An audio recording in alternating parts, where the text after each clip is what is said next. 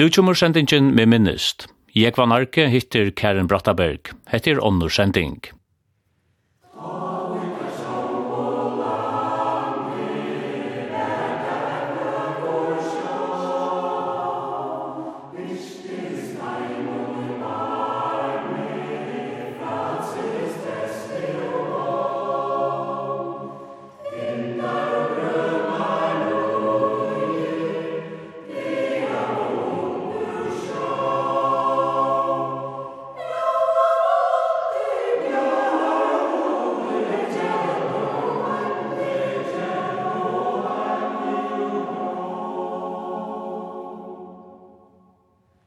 Karen, du hei fyra mammabadjar.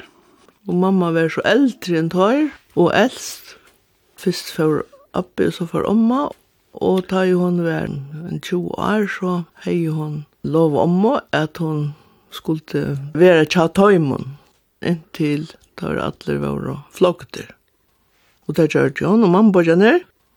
Tar var Fredrik, Georg og Jørgen Og så kommer Gunnar, som var engstor.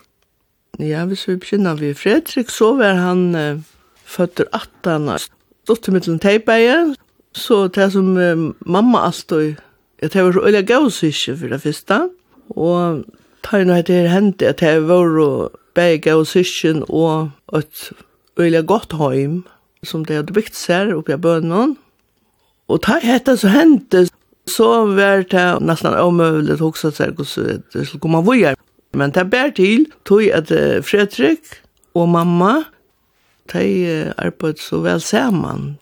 Han var så unger, men mamma bladde sig att han slapp vi, tar tak av vi till utrører, Så han begynte i öjla tölja. Han var med vår tölja. Så er det, låt oss si, Georg, var den neste. Ja, jeg var ikke så lite om til tog at det var ikke bøten, faktisk. Tar rundt å få tingene henka sammen, ødel til fem syskene, men han først og sted øyne Georg. Så er det Jørgen. Ja, han var øyelig velvaksen. Flotter med over. Og hvis jeg skal si han er så runder til åkken, er akkurat samme vaksen det. Når jeg vattnet somodør, platt mamma sier, og han var en av tøymen som somo Ja, det var ikke bare spil, det var kappa av oss nere av vattnet. Det var så Jørgen, og Gunnar han var yngst og så. Han var baden inntil uh, mamma tog han visser til funnes det er gift oss. Men tar før så hver så vi er. Jørgen enda i Danmark, han giftest vi Øynar Arjun, og det før så nyer at han hadde bo i fargen noen år, og han var maskinmøver, bo i Valby, Og ork ble sjåma og kipare, førte skip over oss noen kronen. Gunnar var arbeids med av. Det vil si han uh, førte til klaksugar, begge ork og han førte til klaksugar. Og her um, arbeidde han fisk, øyla, øyla rasker med av. Og en eldste førte til voks. Han giftes til vaje og var øysene sjåma over. Men han arbeidde i Østnia Landi her og i omkring her og i vaje. Det var det som jeg var et omtår. men uh, jeg kjente det atler, tog jeg at uh, det var livet lunch. Og i ork var fire en særligere henting under krunnen. Ja, pappa tog en hever bei tåsa vi han, og så han kom nå i bøtjena til tikkun. Det som du mener vi til er uh, i øynefjørte. Jeg tar hver han kjipar i av Sørvoks sluppene, som er et tår tar høyde så finnes det litt lærst at forsvære seg, og han tar for oss og sikla til Oslands, at kjeipa fisken og sikla nyrator, at uh, avrøya fisken, og det var snurturen som tar blod avloppner, da det kom ut ur uh, Aberdeen, og det var en turskur flikvare som skjeit etter døymon, og gavst ikkje, flei rundt og kom attor, enn til at um, Georg var så kipar som sier at han måtte så takka støv i en sjåtøyt. Han var nok nye under som jeg forstandet og for opp i Styrus. Men jeg pape var her, på Styrus noen, og han måtte gjøre kjøtt av, og sin flikkvar tar i oss i om han før. Men han vendte så atter og ut og igjen, vender atter inn i kipet og skjøter han, og han skjøter han nyer. Det som hendte var det at lykkvaren før til bånds, då rönt och cykla och finna det oss ner, men då såg hon inte utan en oljeblett. Tar för oss en natt till Aberdeen, det har hänt. var det. Och en av kom där efter till förjar? Ja, då kom efter till förjar och ja, så måtte dagligdagen komma. Jeg vet ikke, det som jeg minnes heimann fra, det var en mynd som var tidsen utanfor amtmannsborgene her som tar er avmyndager som var vi og tar finko okkurt Ja, han fikk han en virkjenning. Man sa um, bøylen og søttene som hekk i bringene. Der fikk han så handa her amtmannsborgene. Så kom det etter hus, og daglig der måtte så komme røymlet. Men det var ikke bare bare. At kom man ned og gjør Inn i heimene etter at jeg opplevde så rett. Her var det mammer og bøten, og det måtte så lese. Akkurat som stod han var. Men det var ikke tåsene jeg kom til ham men det var kanskje akkurat minne i kjallaren. Akkurat minne i kjallaren, ja. Det skal du si, ja, at han er sånn jeg er. I kjallaren platt vi til å en fyra seier, og da jeg seier for ut, så skulle det etter tekast opp, tø, og så var det ikke sånn jeg. Vi var også vi til å gjøre det, og så minnes så øyelig godt av gulven, at det var um, kål av gulven. Og da vi kom ned til det, så hilde vi til, nå er det ordan. Og det fikk vi så fortalt. Det var tog at da jeg skilte ned til Ånglands, så kjøpte der kål vi. Fylte kål i lastene, og så fikk vi, og da får vi Visserheim, og det er ikke akkurat det største rommet jeg i kjattleren. Men eh, det er jo ikke vant, sånn, jeg var at han har. Bortje min kjøpte i husene, og han før så at styrke om det det trångte til, så det ble jo gøy i alle matar, og så fer han kjattleren. det er at han ikke råkst øsene. og da han fer og gjør det her og grava, nå finner han tver kuler. Og det sa han bøyna veien, hva dette var. Det var fra det tyska flekkvarnen som er i skått. Og der hever han enn ut jeg bø. Du har jo flere systrar. Ja, altså vi var seks, systjen, og det eldste var så Duttan, Dortea, og så kom Peter Jakko, at han kom Emma, og at han henne kom Jekvan, og så kom Anna Sofia, og jeg kom så at han henne, Karen. Men hon kom så en mann at han at dette hendte utanfor Aberdeen. Hon er født 22. juli. Det var jo sånn det er, Hesson henting kunne kvad var heima og kvad var bostur og kvad skulle kom på plass da jo parstene møttes. Elsa sitter min i dårstia. Vi drøpte henne dottan. Hun var så akkurat 13 år eldre enn jeg. Vi var alle ute av bø. Det første som hendte det var til at at han det var født fyrstand der. Ta for jeg kjekosten. Og kjekosten det var ikke bare som man sier det, tog jeg at Man døy av kikostan da. Og da man var være fyrstan dager, så truttes det vi med og kikostan, men det gikk så. Jeg kom fire med, og så 8. mai, før jeg til døpen, og den lottan systemen, hun var bare 13 år. Da kunne man ikke være gomma. Så dette her var ikke godt. Og hun slapp av det hele gomma. Det var så det som hendte ta, Og hon var heima og skulle rast. Så er det det her, hun var så overfor i hånden hon. Hun tog til langt å ta spennende, som 13 år gammel. Og hon spann seg så til trøtjene som hon var oi, ta en tjekka lesa og bantan òsne. Og hon kom bare i fokla fire, så det er vi se henne bøylete. Sand var prester her, og han så òsne vi ta i funnet. Det var dopt. Og det var stort at han hadde det, så fær man borster, altså. Det gjør det jo en øsne. Ungstene er hjelpa. I Hine sikkene, det var så høyma inntil det var 14-15. Drangene var og chips, og, og det var samme vever av færre av Bøskon Ungstene inntil jeg var etter. Funnet ikke. Men um, åtte vær, da jeg var et lov år. da hendte det at jeg og mamma var jo som at alt var færre. Og mamma sier vi med at enda dagen så øyla godt vever at kom vi fra igjen i bøyen. Du røyvan ligger etter oppe, og til et løyde syntes til reka saman til at det er ikke bare under armen. Vi fra spæra nye fra husen hon. Vi ganga så åman at bort Bont åma fri husene nu stod jo mamma skoft. Det var bare onker av Jan i bønnen, og hun bryter fatteligen så ytla at det var en kjærgjera laknen i telefon kunde bara säga att det, det var ett allvarligt brott. Och det hände allt öjligt kött. Tog laknabatren kom och här stod i ensamötlen. Men pappa var hemma och gick man aldrig. Och det var öjligt att sådja mamma förra steg. Og inn til klaksukar og uh, sjukhuset. Jeg har glemt hvordan det var, men jeg kom så 17, sikkert vi preit. Og ta var laknastrøyet det var i hatten jeg hadde idla kanskje vi at i fem og trus, vet jeg.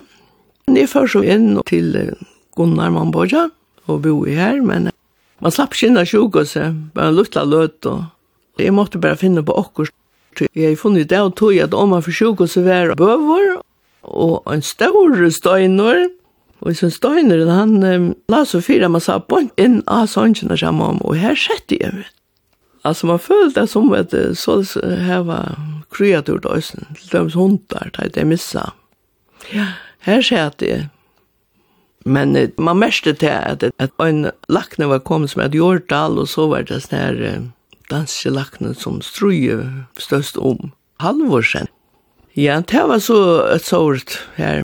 Men efter så satt så pappi och jag vann. Tar hade finns chips på. Og mamma hever nok også til at hun fer etter så røyvende til nå skulle hun ferdig at hun ut av færa sted. Men det fikk hun ikke tog til. Torpeier hadde så senka saman klæger av færa sted, og det skulle papi ha sagt til han kom atter til ringaste tur han har haft i løyvende. Tui mamma er ikke lagt sånn sørste hånd av verste, da er jo i klassekkeren, for hun bor. Det var så, så lite klubbe av tog som vi er ta Arjen til så hadde vi det være en spennende tur, og til var dotteren, som heiver forlova vi en stavi til matrass, av kyrkja, og han har jo vært nekra fyrir funnet ikke, og det var spennende helt i øsne. Og nå skulle det være brittlopp. Papp, han helt over å lese stort, men mamma hatt det seg slett ikke affære, det var så ringa sjekv.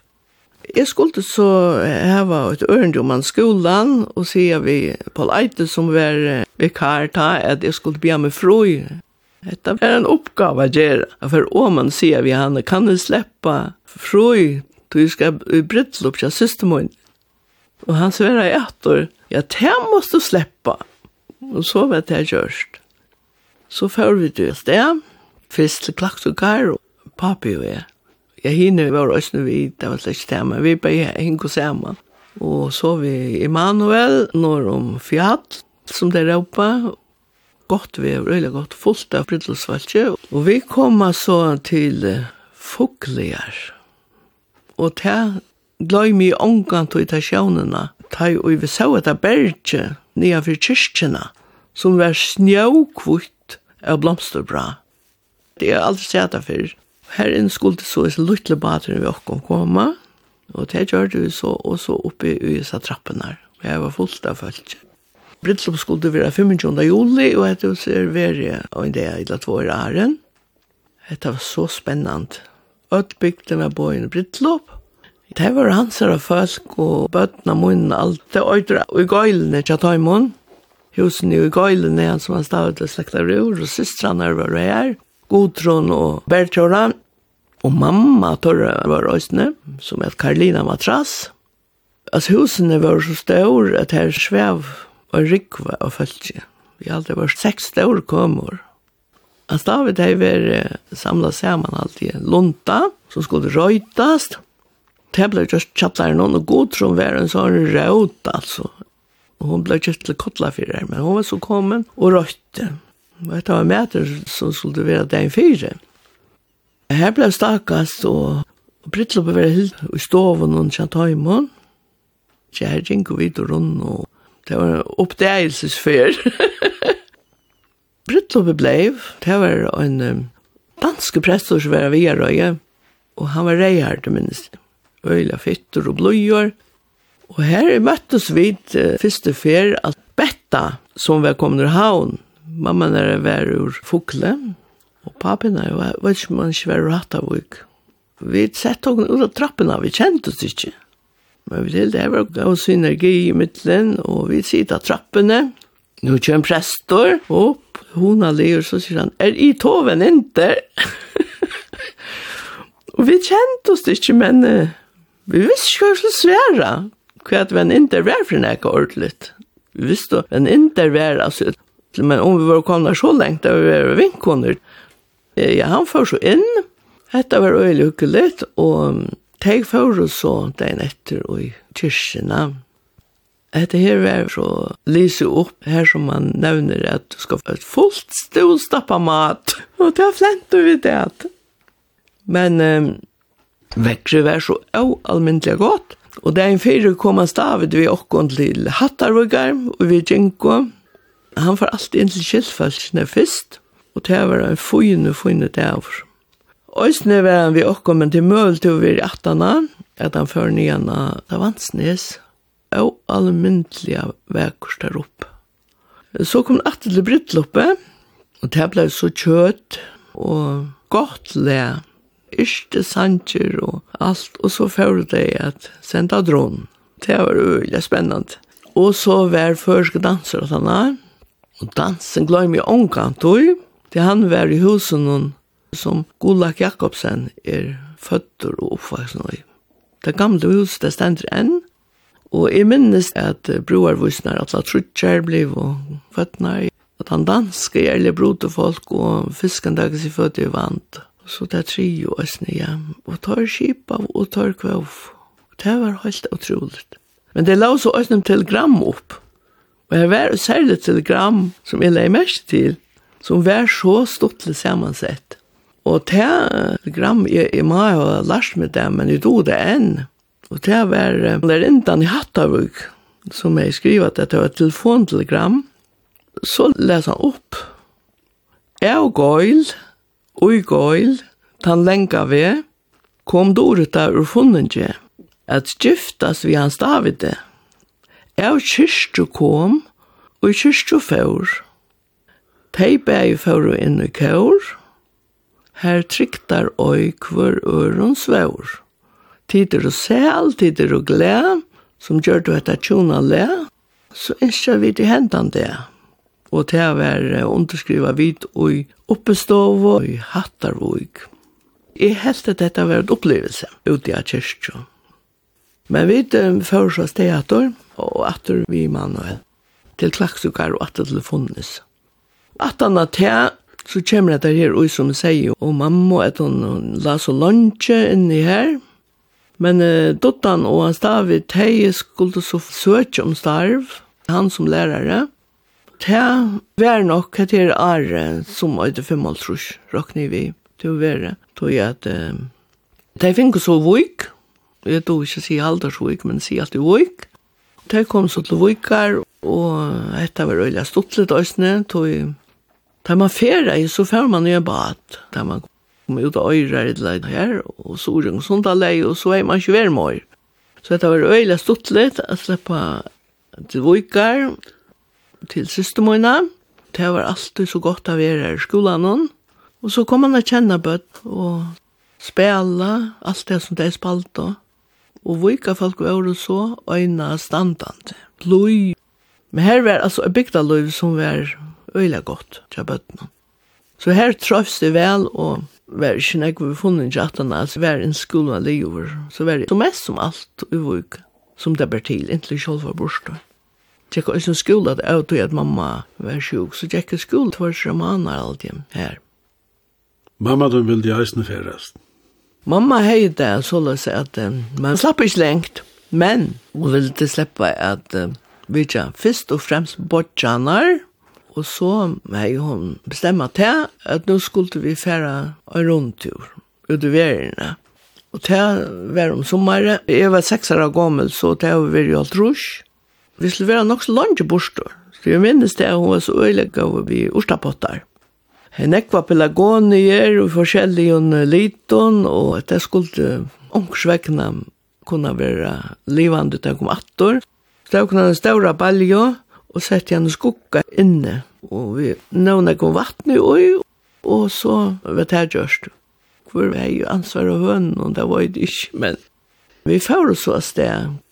Vi er så kom til havner først, og det var øyla stuttlet.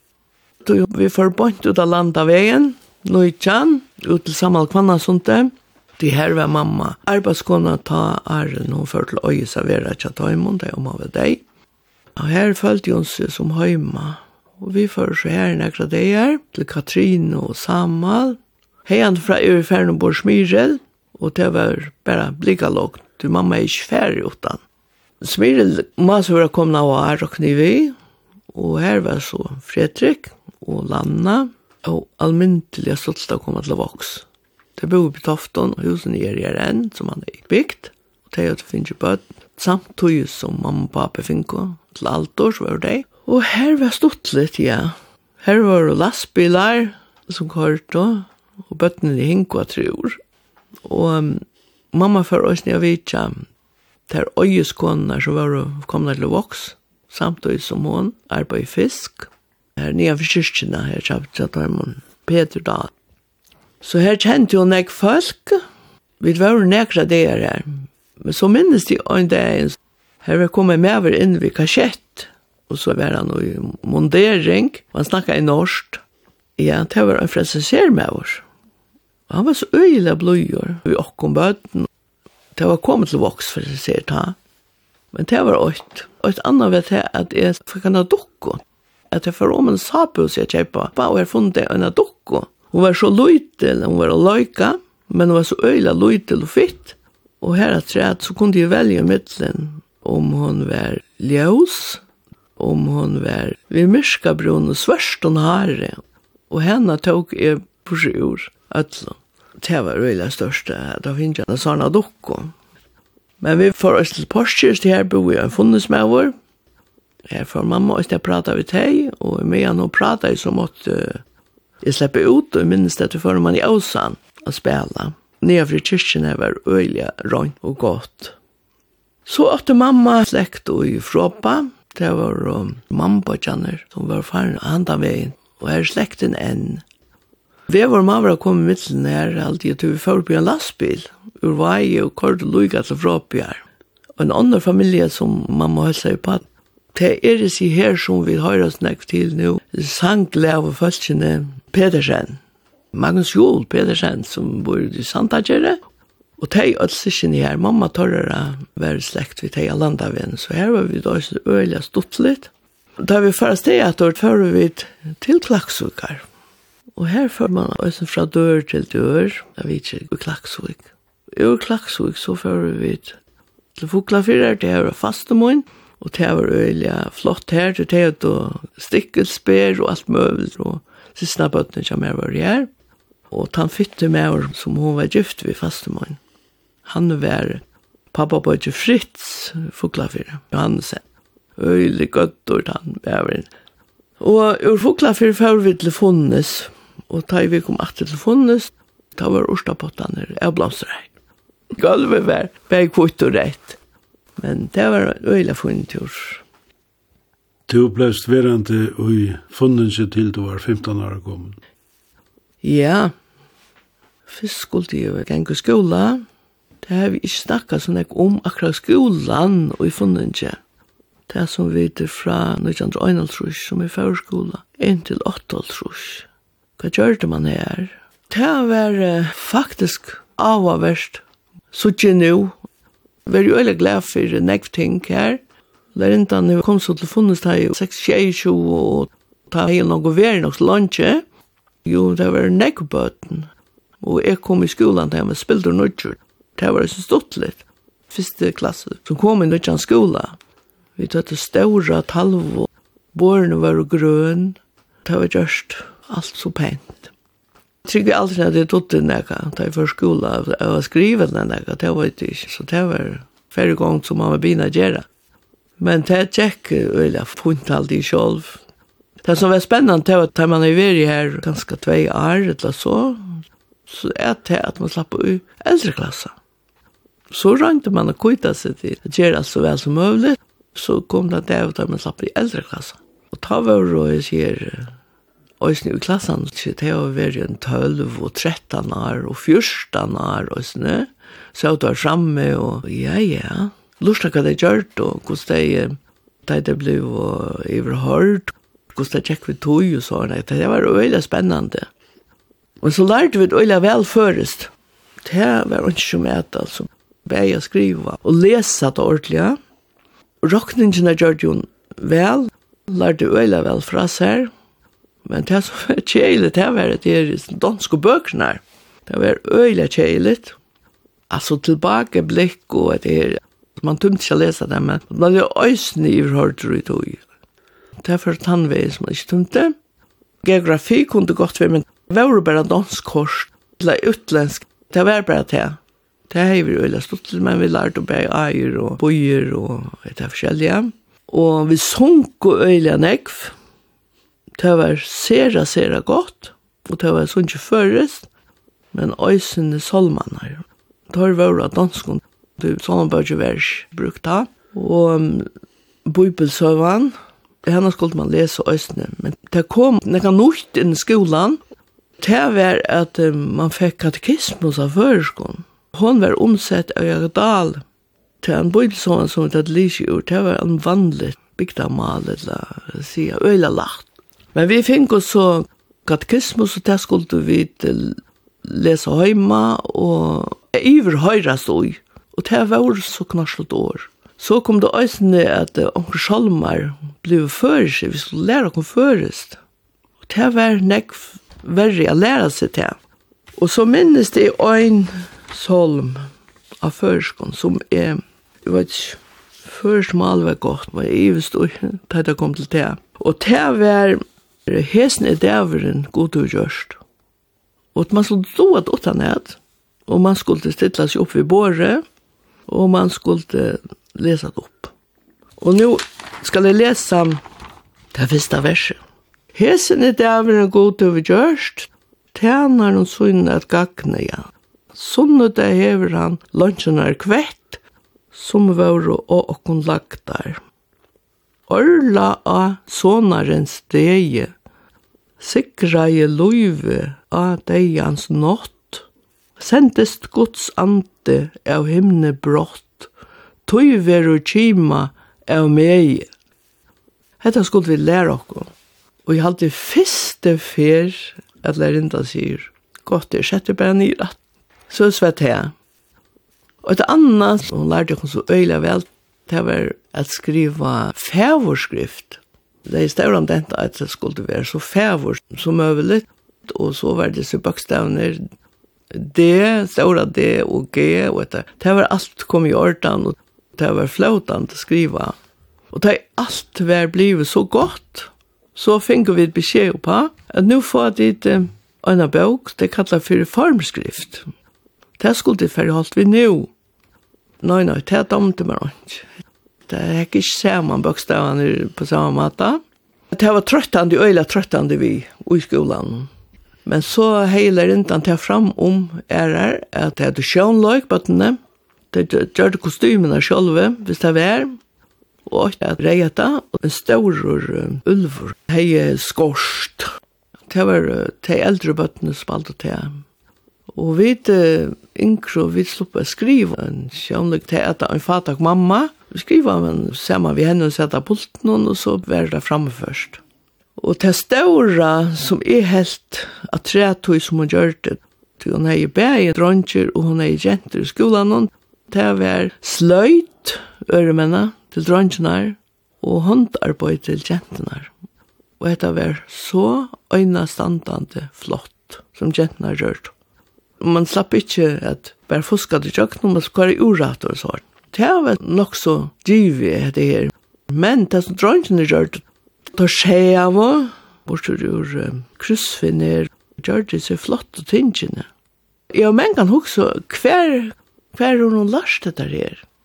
Det er ikke ganske morgen åtte eller tve år siden, kommer åtte bøylad, La tvei saman eg at boilut a gommel boilut i havnald, og jeg fyrir ut at han bøltjen, og suttje, det boilut av en stauren husen her, som er her som frelsa ser om løyene her, og i galven stau av danskon okkur vi at snikkara søla, eller møplun og såret, og så er et anna boilut vi fastja, som stau oppe ved kommunskolan, vi møtte vetjen her, og her var det bor framfor teg, forskjellig stilla båret, som jeg kjente attor. Og med over var her, og han var hatt i halvdige, og iverfrakka i ordentlig funkt og illa den. Så hitt jeg falkon og sjåfilsen. Det her stendte Maria Eite. Det var Peter Nick, jeg haft skoj og i havn. Det gjør det kurva stålar, og det gjør det blomsterbår og alt det der. Så heian i heion finnes jeg der her som kom til funnes vi. Da hun kom til funnes som ung, da hei hun kveldskola det var så vel omtøkt hvor unge mever som skulle sitte bygg, og han gjør det sånne kurvastøvler og blomsterbår, og det var også ikke oppsjokken. Pappa gjør det bare senker og bår og alt lokkere. Nu har jeg penar hendur som det sier, det la vel fire, men dette var oamindelig suttelig kjammer og sitte på i lutten et njurhavn. Det var skolen og 8.30 vi lærintene. Det som vi gjør det så følte jeg og jeg til her vi der. Det er ikke onker bøk og onker glansebulder. Vi får arbeid etter vi der, og vi arbeid ut fra at vi der jo her. Før man i fjørene, og så fortalte jeg henne forskjellig. Hun er alltid onker for forskene å fortelle. Så man følte til at dette var godt nok her som man var med. Det var funnet vi i skolen alltid. Ja, så fikk vi til ur skolen, så vil det litt. Det første som hendte ta, man förra kom merast. Det var i april og i 8.30. Og vi skulle ganga til prest vi Jekv. Vi var tjej, kom mantar. Tvår dranger, annar var funnet at Julian, og hin var av øyre, etla øyre bakka, at Nicodemus depes, og jentenar var vit ur funnet Saulva, Funting, og Elsa jul. Og så er Karen, og så var en av øye, som er det jævna, og en fra Norskala, Ljøshard. Jeg vet ikke hvor ikke minnes navnet av henne, men det var faktisk hun som fører i til Amerika, som ung, sammen med en amerikanere som var av Så Så råkner vi de fleste å finne det, hvor hun var. Og Brimnes var prester, og vi fører så til Gongo med til Jåar, hus var her til slektene, faktisk. Så jeg bor ute i Fotna, tja sysna badne pappa, som var snill, jeg gikk og jeg gikk og sov sverja, og dinne for jeg, og det var han som hadde huset. Engst og jentene var nok her, ja, jo, man sa ikke nek til det alltid. Vi får så i kyrkjene, oppe av loftet i kyrkjene, tog her skulle vi så få fire og prata og, og det gjør vi så. Det tog han vel alltid. Det var solmar, og det var... Ja, han lærte jo okkon, mist, Møvlig at du tar det fyrir, det er just ikke ui, öll vid at du har det fyrir, det var ikke nekka nøyt. Vi lærte en solm som at vårt løsen er vår tro og dåp, det er vår samfunnskete, der af utspringer alt vårt håp, opprinder all vår glede. Og ordet af vår Herres mund, det er vår kyrkes klippegrund, og det er åndens bålig. Og det skulle vi så doa, og ikke til. Han arbeidde seg oppvisninger som han skulle heva at han der vi kom mer av oss. Brymnes var, altså mer domt han øyla vel fra batten ja. Men dette her blei jo synder spekulativt, altså, som han ville heva okkon at skilja Og det som man vil hava til 20. sørst er kylja, hva er det som kan komme menneskene? Så det er menneskene kommer illa fire, som teker iverhånd iver menneskene. For jeg ser det så. Ongen er okkon skilte nek, men han sier hva det var, at det var penkar, og ongen er okkon skilte nek. Men han får ikke vujere vi hva det var, støtten av sånn her, det kan være fra de små som vi kjente. Du ånden er jo kjente annet enn penger var ånden er jo. Så vi dotte ikke skilja til at penger skulle gjøre noen mennesker for tre, eller iveteka noen mennesker. Men det var så det som han ville. Så jeg vet ikke hver han har helt i åkken være, jeg skilja så sånne men det minnes de øyelig, øyelig godt. Jeg vet, jeg ble jo skonfirmeret her, og Arne til, så kom han vi og Ja, barm, alltid bestämt. En støyner ligger här, slattan her, ja. Vi kan få in Og tur. Och att skal då ska træt. Da träd. Det vi ble kommet mer ja. papi och mamma kom och det blev så få in ett dövre gjort ur fötterna. Det är i aprilmann, så jag var ikke fäxt lampskjøt. Strockna flotta dugar i stovna och soppa. Och det er vi Jack, som vi kjenner. Det är har rett alltid. Hon var kokkor. Så det var en oallmyndelig gaur erslutninger til jeg var yngst. Og fra okken kom andre konfirmanter mer. Så jeg hadde det skulle fungere på den måten. Jeg sier farvel vid jeg, vi okkara konfirmant. Så det var det, så fører vi hjem og atter til gong. Jeg var så 15 år, da var det fleste ferien og funnet ikke. Jeg må inn i anløyke. Men ta vil de også slippe sted. Vi nå ikke alt rusk. Og ta har jo en um, lydel løsning sted etter en... Uh, ta arbeidskån, det er arbeidsjenter alltid. Jo, det måtte jeg. Jeg måtte det samme som mine fra launar. det gjør det så fikk et uh, ja, at jeg skulle komme til etno videre og eiler videre.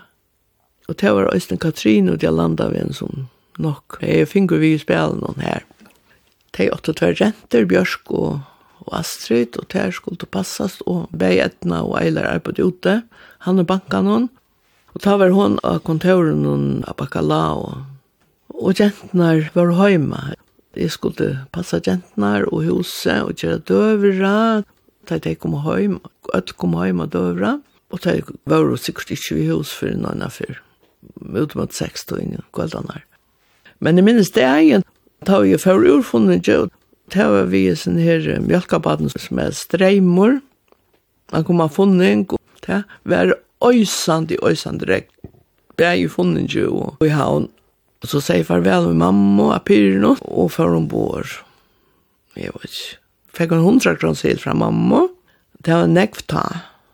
Vi silt og så, og i sin her funnes som silt i vian et Tetor, Tetor Dahl, Vi drøpte han dal, og han hugte til mye kvørst. Men da vi kom på Estnes, det var ikke godt skil. Det rådde jeg øyelig land. Men vi kom til havnar og opp av land.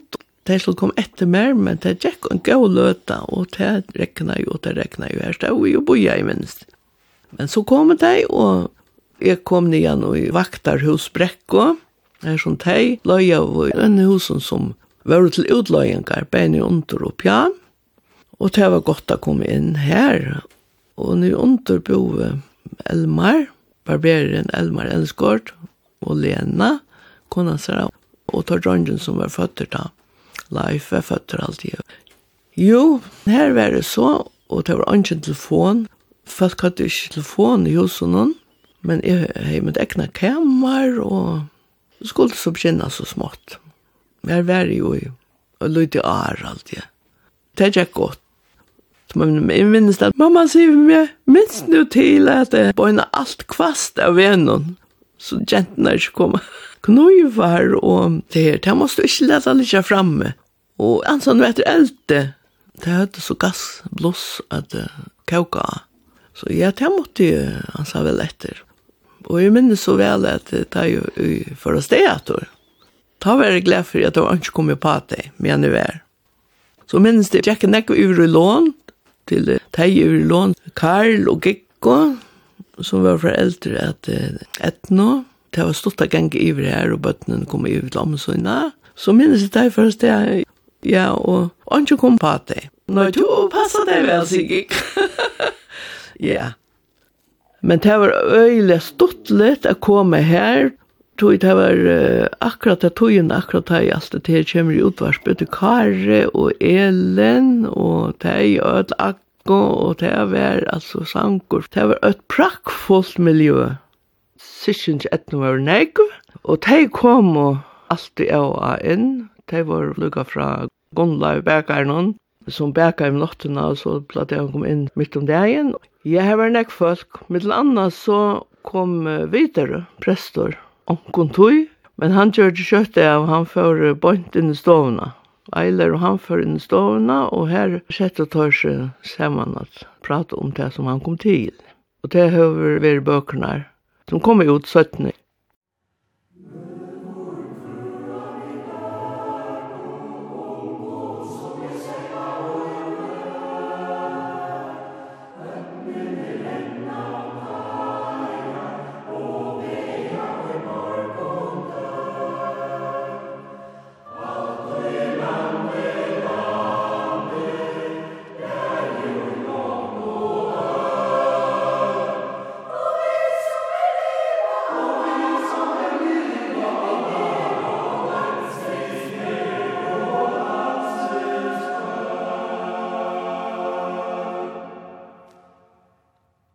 At det var sendingen med minnest. Jeg var narke hittir Karen Brattaberg. Hetta var onnur sending.